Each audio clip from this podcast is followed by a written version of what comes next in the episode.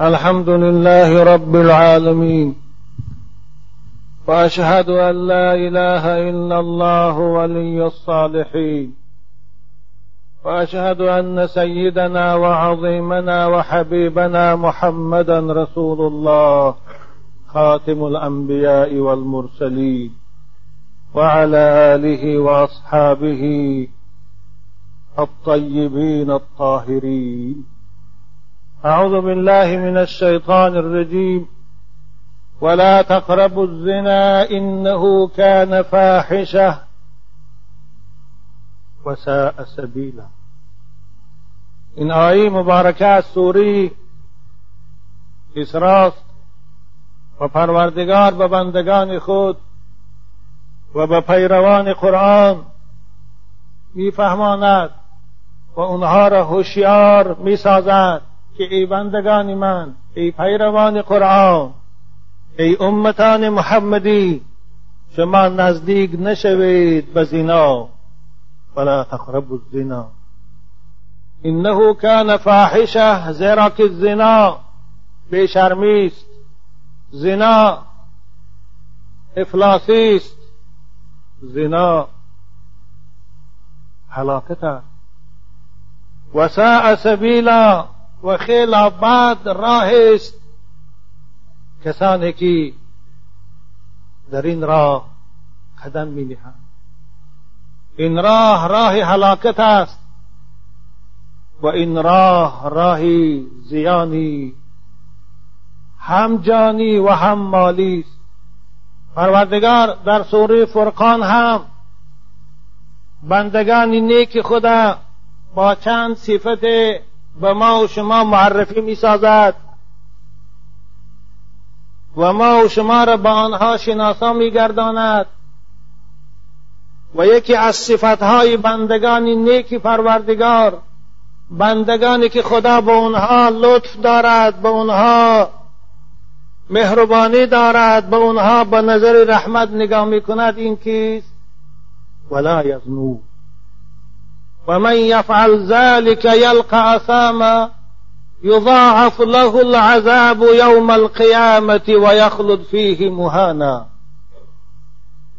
بندگان نیکی خدا بندگان نیک رحمان آن کسانی هستند که خواه از مرد خواه از زن زنا نمی کنند این به زنا میل و رغبت ندارند.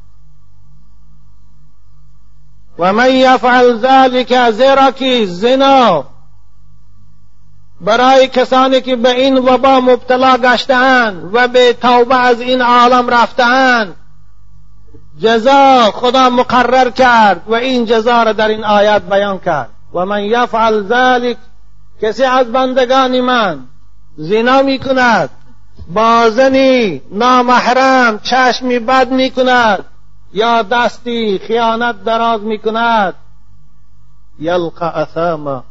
او روپرو می آید او می درآید عذاب را وادی پر عذاب را که نام او اسامه است. یضاعف له العذاب. چند برابر با عذاب کرده می شود و عذاب بالای عذاب. برای زناگارا در این چاه کرده می شود. و یخلد فیه مهانا و جاوید و همیشگی در این چاه پر عذاب خار و زار باقی میموند و یخلد فیه مهانا مهان خار و زلیل و بیقدر الا من تاب و آمن و عمل. عملا صالحا. انشاءالله ادامه آیه بزن صحبت این این دو آیات به ما و شما پیروان قرآن صراحتا بیان می سازد که آن خدای بزرگواری که ما و شما را آفرید و برای هدایت ما پیغمبران و امامان را فرستاد و قرآن را فرستاد. از این وبا از این مرض می‌خواهد ما را نگه دارد. این این مرض مرض زنا. عزیزان من زنا این ویران کننده آیله هاست. زنا در راننده پرده های ناموس است. زنا به دنیا آرنده فرزندان یتیم است. پرستار است. از همه وحشتتر دهشتناکتر زنا به میان آوردن کسلی های تبابند نشونده است. پیغمبر بزرگوار میفرمایند در حدیث صحیح که اذا ظهر في قوم الزنا او الربا احلوا بانفسهم غضب الله. هر قومی که هر جامعه که در آن زنا رواج یابد در آن رباخوری و سودخوری رواج یابد این قوم این جامعه این اهالی به خود عذاب خدا را آوردن. اینها خود عذاب خدا را به سوی خود جلب کردن قوم مصلح هلاک نمی کند و ما کان ربک لیهلک القرى بظلم و اهلها مصلحون. جامعه که اصلاح شدگی باشد جامعه که در وی زنا نباشد رباخوری نباشد شراب نوشی نباشد آن جامعه را خدا هلاک نمی کند این وعده قرآن است. شاید امروز هر یکی از ما و شما این جنایت مدهیش این این زنا را زیان شه و ضرر شه دیده ایستاده و مشاهده کرده ایستاده پیغمبر بزرگوار کسانی که زنا می‌کنن خواه مرد و خواه زن اونها را ایمان ندارن گفته اعلان داشتن. ابو هریره در حدیث صحیح از بخاری و مسلم روایت می‌کند. لا یزنی الزانی حین یزنی و هو مؤمن. وقتی که شخص زنا می‌کند خواه مرد خواه در حالت زنا ایمان ندارد. ایمان از بدن او جدا می شود وقتی که زنا زناگار از ایمان جدا کند وقتی که قیمتترین برای انسان ایمان است. ایمان از بدنی مرد زناگار و زن زناگار جدا شود. آیا این زناگار این مرد زن زناگار می شود که مومن گو؟ نه. در که رسول اکرم از وی ایمان سلب کرد. جوانایی که ندای من میشنوی شما مؤمن هستی. شما فرزند مسلمان هستی. نباید به سبب لذت یک, یک ساعته ایمان که قیمتترین اشیاست برای مومین از دست دهیم. پیغمبر خدا تفصیلی خیلی روشن برای ما تصویر هم کردن. حضرت گفتن من زنا او شرب الخمر نزع الله منه الايمان كما يخلع الانسان القميص من رأسه. رواه الحاکم. کسی زنا می‌کند یا کسی عرق می نوشد پروردگار از بدن او ایمان می برارد ایمان می گیرد زیرا که صاحب ایمان پروردگار است. پروردگار نمی‌خواهد که این بهترین نعمت او که ایمان است برای بنده مومن در شخص باشد که او زنا می‌کند یا عرق می‌کند ایمان از بدن وی می‌کشد. حضرت بیان کردند. ایمان چگونه از بدن زانیه میبراد عزیزان من حضرت گفتن مانند که انسان کرتر از بدن خود می‌کشد. بنابر همین در حالت زنا اگر مبادا در وقت زنا این مرد و زن کشته شوند اونها را جنازش هم درست نیست. زنا این خیلی جنایتی وزنین است جنا این جنایت به هم ملت است و هم به جامعه هست. زنا که این برهم زننده حیا و اخلاق است. پروردگار این وزنین ترین جزا را برای مرد زانی و زن زانی در قرآن برای ما بیان کرد. اعوذ بالله من الشیطان الرجیم. الزانیة والزانی. فاجلدوا كل واحد منهما مئة جلدة ولا تأخذكم بهما رأفة في دين الله این کنتم تؤمنون بالله والیوم الآخر. برای مردی که زنا میکند یا برای زنی که خدا میگه زنا میکند چهار شاهد اونها را در وقت زنا میبیند و در نزد حاکم شاهدی میدهند. اینها را خدا میگه شما فجلیدوه اینها را تازیانه زنی. صد تازیانه.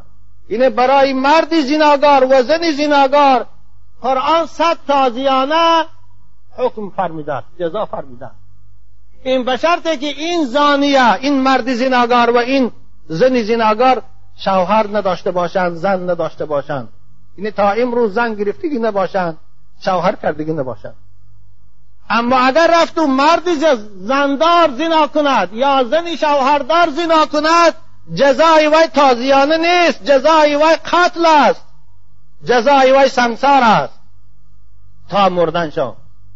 پروردگار میگد وقتی که اونها را سنگسار کرده می شود یا وقتی که این مرد زانی و زن زانیه را در زده می شود تازیانه زده می شود برای اونها شما غمخوری نکنید دلتان نسوزد. فلا تأخذ بهما رأفت فی دین الله. اگر شما مؤمن حقیقی هسته اگر شما به پروردگار خود حقیقی ایمان داره به کتاب أو باید در وقتی جاری کردن حدود الله دلسوزی نشان نتیت خود درک اونها جنایت کردن به این جزا سزاوارند اما افسوس که این حدود الله امروز جاری نیست. اما افسوس بسیار مردها و زنهای زناگار از جزا. خلاص شد ایستادیان من به اونها خطاب می‌کنم. شما خیال نکنه که در این دنیا از جزا خلاص شده در پیشگاه خدا از جزا خلاصی میابه نه! حالا فرصت داره. اگر توبه کنه از صدق پشیمان شوه بازگشتی به خدا کنه. پروردگار غفور الرحیم میگذره اما توبه نکرده از این عالم می‌روه. ای مرد زانی و ای زنی زانیه شما بدانه که پروردگار جزاش در روز قیامت بالای شما ده جاری می‌کنه. در زبور آمده است. در باب عذابی مردهای زانیه و زن مردهای زانی و زنهای زانیه. إنهم يعذبون في النار بفروجهم. إنهم معلقون في النار بفروجهم. مردها و فاحشه را. پروردگار در دوزخ از شرمگاهاشان آویزان میکند. خواهرای عزیز ای کسانی که دنیا شما را فریب داد برای اندک چیز حیای خودتان ناموس خودتان فروختی استاده ای جوانا برای پنج لحظه پنج دقیقه فرصت و معیشت حیاتتان سوزانده ایستاده. شما را پروردگار از شرمگاهاتان در دوزخ آویزان می‌کند. و یضربون علیها باسوات من حدید. شما را به تازیانه های آهنین ملائکه های دهشتناک دوزخ جزا میتیند این سخن پروردگار است در زبور. زبورم. یکی از کتاب های الهی. یضربون علیها بصوت من حدید. فاذا استغاث وقتی که از ضربی تازیانه فریاد می‌کشد وقتی که فریاد می‌کشد این زن یا این مرد فاحشه صاحت الیه الزبانیه. این ملائکه عذاب به سوی او با غضب نگاه کرده می‌گوید. این هذا الصوت؟ این هذا الصوت؟ کجاست این فریاد و انت تضحك و تلعب و تفرح في الدنيا ولا تخاف الله ولا تراقبوه. کجاست این آواز. شما این آواز پیشتر فکر نکردی. وقتی که زنا میکردی وقتی که با مرد نامحرم با زن نامحرم صحبت میکردی میخندیدی. وقتی که دو به دو صحبت داشته خوشحال بودی. برای چه امروز رو یاد نکردی؟ برای چه خدا را مراقب خود ندانستی؟ برای چه فکر نکردی که من خدای دارم که او من دیدی استاده است؟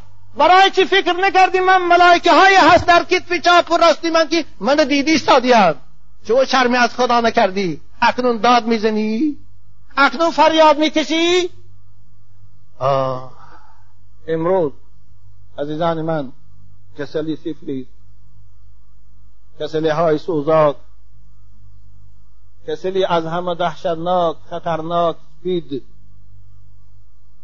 تمام عالم را مانندی ابر تیره پهن کردی ایستاده فرا گرفتی ایستاده این اثر چیست؟ این اثر زنا. این اثر بیحیایی است. این اثر فاحشگی. امروز تمام دنیا با همه پایگری هاش و با همه متخصصاش برای پیشگیری این وبا. این درد بیدوا کوشش دارد. اما نتیجه دلخواه ندادی دادد آره اگر برای سپید دوایی هم یابند. پروردگار باز وبای را بالای این بندگان زیناگارش میفرستد که باز طبیبا از دوایی و عاجز می‌شوند همون خدایی که بعد از سفلیس و سوزاک سپید پیدا کرد باز بعد از سپید دوا باز درد میفرستد که او هم باز به دوا برای چه عزیزان من؟ سوال وارد می شود. چه دولت های ابرقدرت دنیا پول خرج کرده ایستادیان داروها استحصال کردن برای پیشگیری سپید تا اینکه این وبا را پیش گیرند اما از همه دوای آسان از همه داروی آسان داروی قرآن است او را نمی‌خواهند جاری شود. زیرا که مقصد اونها جامعه را هلاک کردن است. مقصد اونها انسانها را حیا کردن است بد اخلاق کردن است. مقصد اونها تبابت نیست. بهترین دوا دوای قرآن است. بهترین دوا قانون خدا را جاری کردن است. بهترین دوا برای زناگرها حکم خدا را جاری کردن است. اگر یک زناگر سنگسار کرده شود با واسطه تلویزیون آینی نیلگون نمایش داده شود هزارها هزارها آدم از این کار باز میستند این حیبت دارد.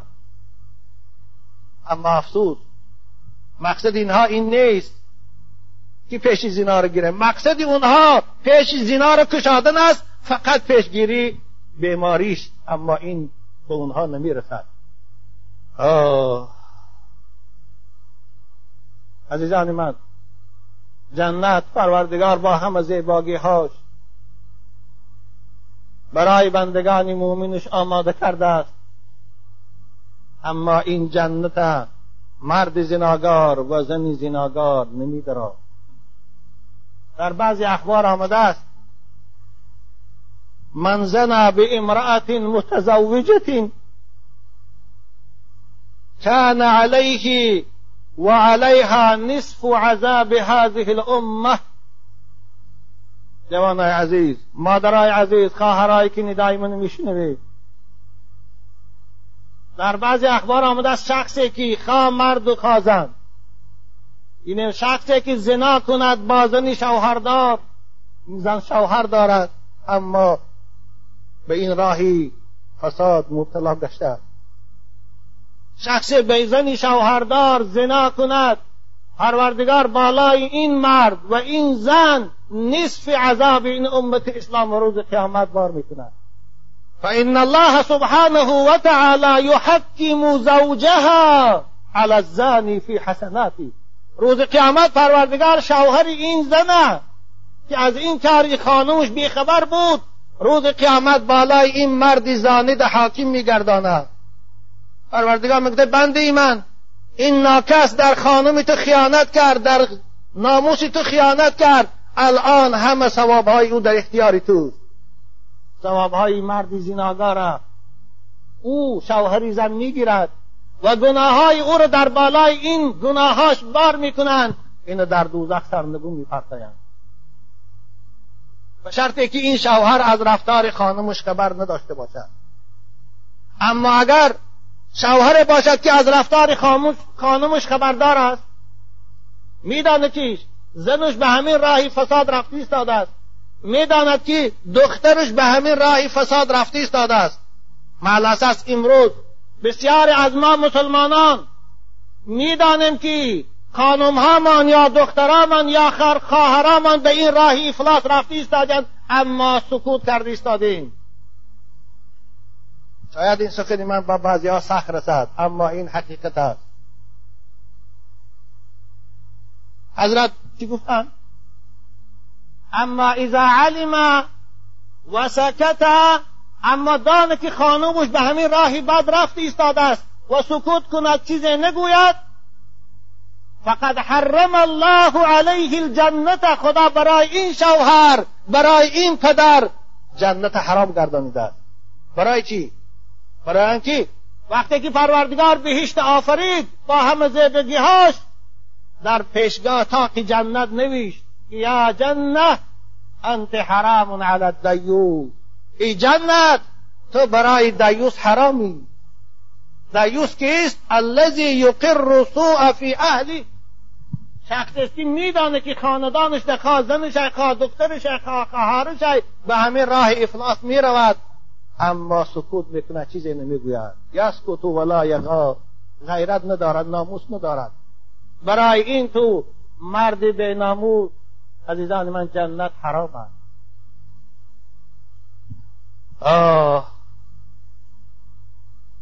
وقتی که این مرد زانی یا این زن زانی را در روز قیامت در پیشگاه پروردگار حاضر می آرند جوانای عزیز خیال نکنید که ما در شهرهای روسیه هستیم کسی از ما خبر ندارد. خیال نکنید که کسی این کاری ما را نمی‌داند. پروردگار همراه شما هست. ملائکه ها همراه شما هست. اعضاهای بدن شما بالای شما ده شاهد است. زمین در بالای شما شاهد است. روز قیامت روز است که الیوم نختم علی افواههم و تکلمنا ایدیهم و ارجلهم بما كانوا یعملون. خدا زبانها را مهر میزند اما دستای شما پاهای شما بالای شما ده شاهدی میتیهد شما خیال نکنید که این کردار ما گوشیده میمونه. در پیشگاه خدا که محاکمه مرد زناگار و زن زناگار می شود جنایت او بالاشته که اثبات شد. پروردگار امر می‌کرده است ملائکه های معکل به دوزخ خذوه این گیرید در دست و پای او زولان. معیشت.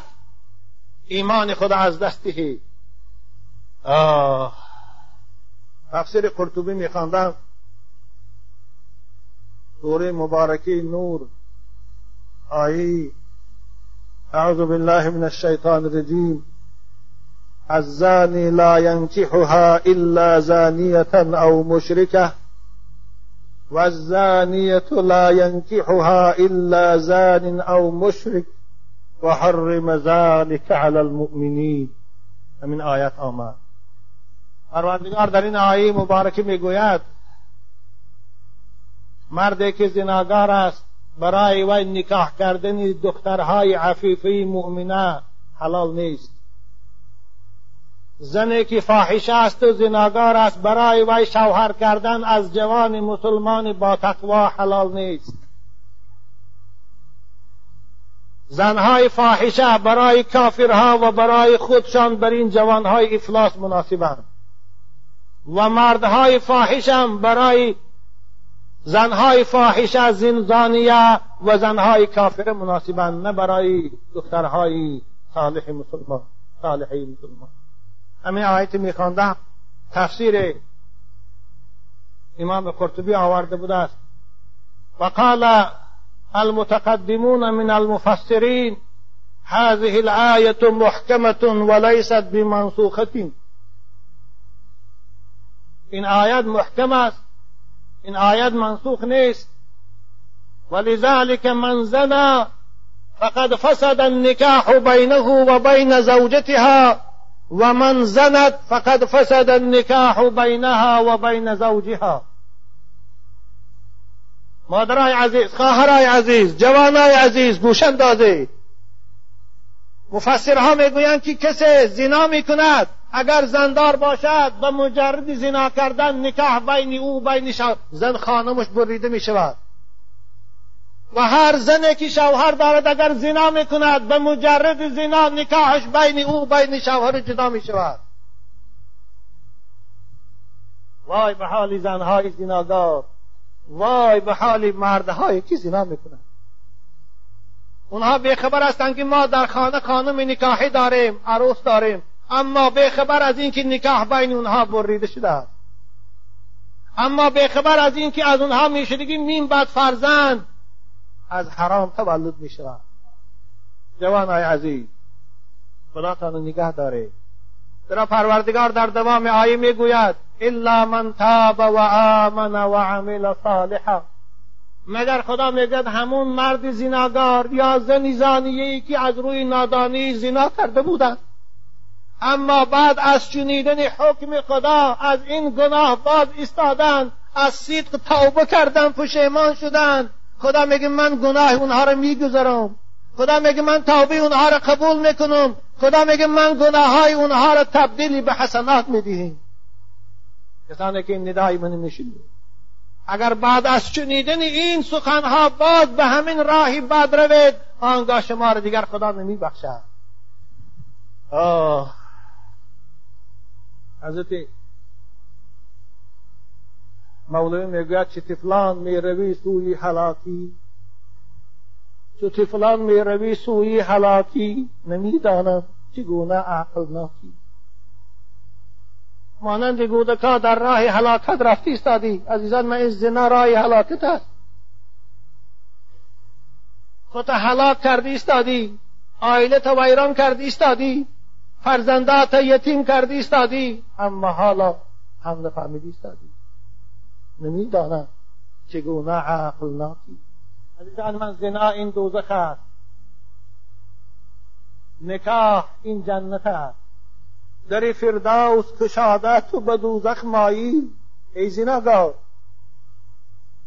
در فردوس کشاده تو به دوزخ مایل عاقلان سوی جنت اعلا گذره عاقل آن است که جنت به دست می بیاره نه دوزخه پروردگارا جوانای ما را و خواهرای ما را از این وبا از این مریضی که امروز جامعه ما را فرا گرفته است و اخلاق جوانان ما را ویران کرده ایستاده است نگه دار. در دوام حدیث رسول اکرم چی می‌گویند؟ لا یشرب الخمر حین یشربها و هو مؤمن. و شخصی که عرق می نوشد در وقت عرق نوشیدن عمومی نیست. در وقت عرق نوشیدن ایمان از بدن عرق نوش می‌برد رسول اکرم فرموده حدیث امام حاکم است که من زنا او شرب الخمر نزع الله منه الایمان.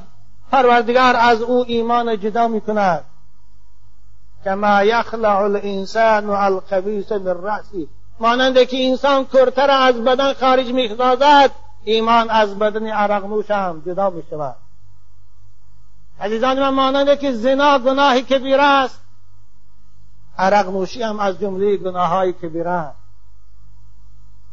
پروردگار در قرآن در سوره مبارکه مائده میفرماید اعوذ بالله من الشیطان الرجیم یا ایها الذین آمنوا إنما الخمر والميسر والأنصاب والأزلام رجس من عمل الشیطان فاجتنبوه لعلكم تفلحون. ای کسانی که ایمان دارید ای کسانی که عرق می نوشید ای جوانایی که در شهرهای روسیه برای خاطر خنک نزنمان گفته عرق می نوشید شما دعوای ایمانی به خدا دارید. شما دعوای مسلمانی دارید. پروردگار به شما خطاب دارد. که ای بنده مؤمنی من ای بنده که ایمان داری به خدا ایمان انما الخمر والمیسر والانصاب والازلام رجس. عرق و قیمار و بود پرستی و نزد فالبین رفتن پلید است. عزیزان من این رجس کلمه است که قرآن در خیلی یک چیزی نفرت آور او استفاده می‌برد. خدا این عرق قیمار بازی را قیمار به کدام نوعش نباشد؟ خواه قرطه قطی است خواه تخم قطی است خواه نرد قطی است خواه به بجول حرام است. رجسون فاجتنبوه لعلكم تفلحون. این پلید است حرام است افلاسی است خانه ویرانی است. از این خداتان نگاه دارید. ای جوان مسلمان خدا تو را امر کردی ایستاده است از عرق خود نگاه دار. اما شیطان ها و دشمن های خدا میگن عرق نوش. نوعهایی به نوعی عرق روز تا روز در تلویزیون ها رکلامی می‌کنن تا اینکه تو نوشی. اما خدایی که از تو را آفرید تو را امر کرد باز ایست. فاجتنبوه. کدام چه قبول داری؟ خدایی که خالق توست. خدایی که رازق توست. خدایی که تو را عقل داد. خدایی که تو را تنی صحت داد. امر کردی استاد است از عرق باز ایست. ننو. اما شیطان ها انسان های شیطان صورت. تو را ترغیبی به عرق می کنند تو را ترغیبی به نوهای نوع نو به نوی عرق نوشیدن می‌کنند کدام چه می‌گیری؟ کدام چه اختیار داری؟ فاجتنبوه لعلکم تفلحون. شاید کی؟ به سبب اجتناب کردن از نوشیدن عرق تو در پیشگاه خدا رستگاری یابی. امروز جامعه بشری اگر از روی انصاف تحقیق کند هیچ وبای هیچ بیماری مانند عرق دنیا در ضرر آوردگیش نیست. ضرره که دنیا از روی عرق کشیدی استاد است و می کشد و می بعد هم به هیچ چیز برابر شد نمی‌تواند. خودکشی ها دیوانگی ها بیماری ها ویران شدن آیله ها همه این از چیز عزیزان من؟ اثر حرکت اثر خمر آدم کشی ها از این سبب رسول اکرم فانها ام الخبائث. گفتن عرق مادری تمام افلاسی ها. آدم کشی هم سرچشمش عرق است. دزدی هم سرچشمش عرق است. زناگاری هم سرچشمش عرق است. خودکشی ها هم سرچشمش عرق است. خانه و ایرانی ها هم سرچشمی اساسش عرق است. اکثر جوانایی که نزد ما برای سوال می آیند طلاق می‌پرسم در حالت مستی بودم در مسته طلاق کردم کودک های تیم از همه بالاتر. پولی که عرق می‌خری می‌توانی به او پول برای فرزند و یا لباس خری یا که قند خری یا حلوا خری تو از دیدن و خرسند می‌شود. عزیزان من عرق هم زیانی ضرر در جامعه دارد هم در جمعیت دارد هم زیان معنوی و روحی هم دارد. پروردگار در قرآن دوام آیت می‌گوید انما یرید الشیطان أن یوقع بینکم العداوة والبغضاء فی الخمر والمیسر این زیانی اقتصادی است این ضرره که به جامعه می آرد و یصدکم عن ذکر الله و عن الصلاة. این زیان معنویش روحی است شیطان است میخواه که شما عرق نوشه شیطان است که میخواه شما قیماربازی کنه به سبب این دو گناه به سبب این دو رفتار ناجا در بین شما عداوت و دشمنی پیدا کند. عزیزان من من شما رو به خدا سوگن میدیم. در کدام جایی که مجلسی که عرق نوشی می شود حتما بین دوست ها در اونجا جنگ هست دست گریبان هست؟ حتما در اونجا آدم کشی می شود حتما در اونجا بین دوست ها عداوت پیدا می شود والا این وقتی که عرق می نوشد باز از یاد خدا غافل می شود یاد خدا رو می کند بالا این عرق می نوشد باز از نماز محروم می شود نماز نمی خواند و یصدکم عن ذکر الله و عن الصلاة فهل انتم منتهون. شاید بعضیا گویند که عرق در نظر شما چیست؟ چرا در نظر داره عرقی که اگر پیغمبر خدا گفته باشد این همون عرق است که از آب انگور است. اما امروز نوهای نوعی عرق برآمده است که از انگور نیست. از دیگر چیزهاست رسول اکرم صلی الله علیه وسلم این سوال جواب که در همون وقت داده بودند. حضرت گفتند کل مسکر خمر و کل خمر حرام هر چیزی که مس می‌کند او خمر است او شراب است. عزیزان من شما نگویید که کاکائین یا گراین یا که نشه دیگرها اینها عرق نیستن. نه والله اینها از عرق دیده حرامترند در هر چیزی که مس می‌کنه و حکم عرق دارد هر چیزی که مس می‌کنه و حکم شراب دارد و هر چیزی که مس می‌کند او حرام است. حضرت بچی گفتند و من شرب الخمر فی الدنیا و مات ولم یتب عنها لم یشربها فی الاخره رواه مسلم. کسی عرق می نوشد کسی نشه می کشد کسی گراین استفاده می برد و به همین وبا می مرد توبه نکرده و شرطی توبه نکرده می مرد این آدم پروردگار او را در جنت نمی درارد او را از شراب ناب جنت به نصیب میگرداند. این حدیث امام مسلم است. جوان عزیز که برای اگر مادی مست کننده یعنی نوشابی مست کننده خداتان از بهشت به نصیب کنید از شرابهای لذیذ جنت خداتان محروم کنید پروردگار در قرآن شراب جنت با همه زیباگی هاش وصف می‌کند. برای خاطری این نوشابه زهردار که هم در جسد شما زیان دارد هم در ایمانتان زیان دارد هم در اخلاقتان زیان دارد. این بهشتی پر ناز و نعمت از دستی. چه عقل است؟ چه عقل است که خریتون نور با نار؟ خریداری کنه نور نار به گلزار. یعنی عقل. آخر پروردگار وقتی که برای ما و شما بندگانش عرق حرام گردانید تمام انواع نوشابه ها را حلال گردانید دیگه است. امروز دنیا نو به نو شربت ها برآورده است. من ما در جمهور ایران رفتیم انواع نوشابه ها هست همش حلال است. چی ضرورت دارد برای این زهر قاتل ایماناتان از دست می‌دید چی ضرورت دارد. ایمان خود از دست می‌دید برای یک لحظه خوشی.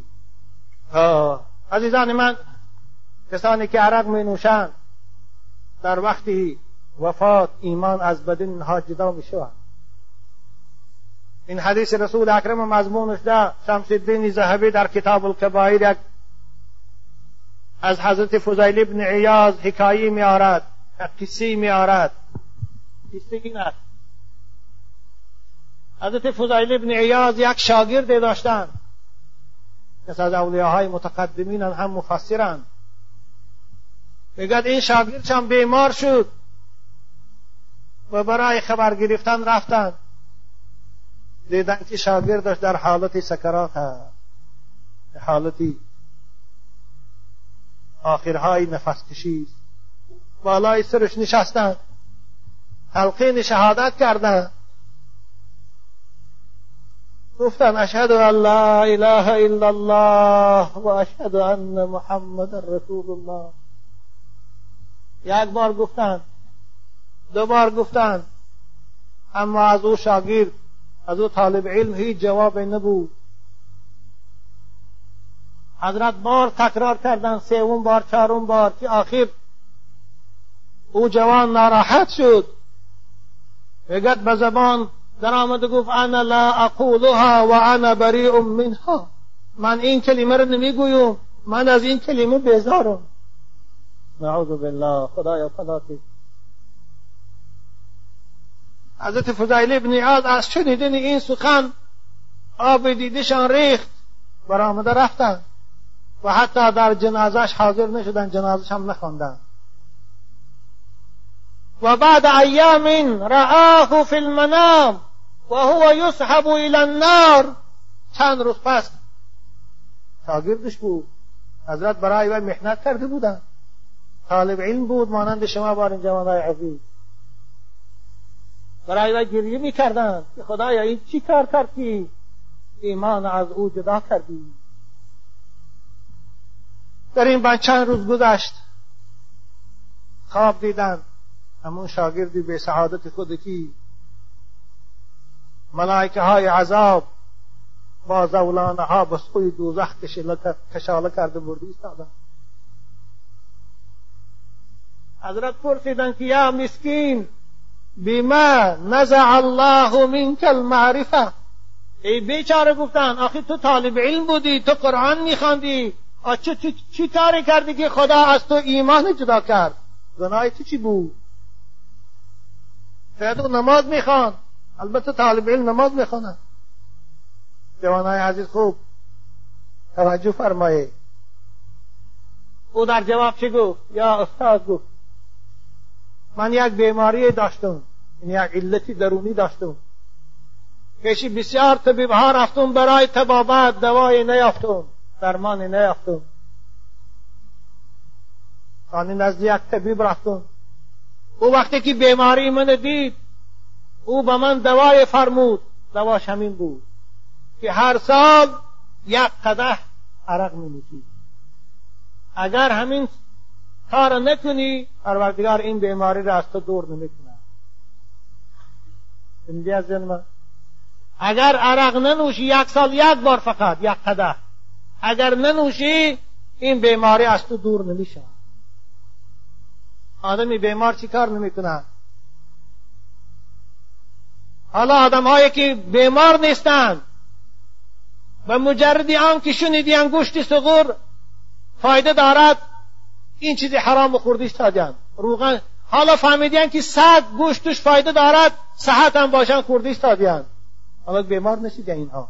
ها هیچ کدام طبیب اینها را امر نکرده است به این خوردن برای همین من هر سال یک بار یک قدح می نوشیدم. بود حضرت امام گفتن که ان این است سبب از ایمان جدا شده امام زهبی میگه ببین بنده خدا این جوان به سبب یک سال یک بار نوشیدن یک قده که سبب داو و دوایی بود هم از ایمان جدا شد.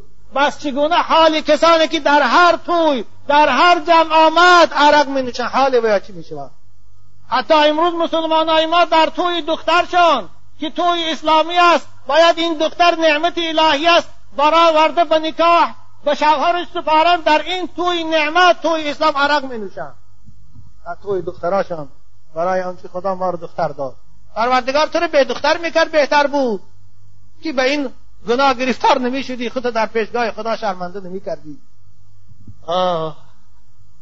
ایمان به سبب این از من جدا شد. ببینید یک نوشیدنی قده در یک سال یک بار ایمان از بدن این جوان جدا کرد. بس چگونه است؟ حال کسانی که همیشه به این مبتلا هستند.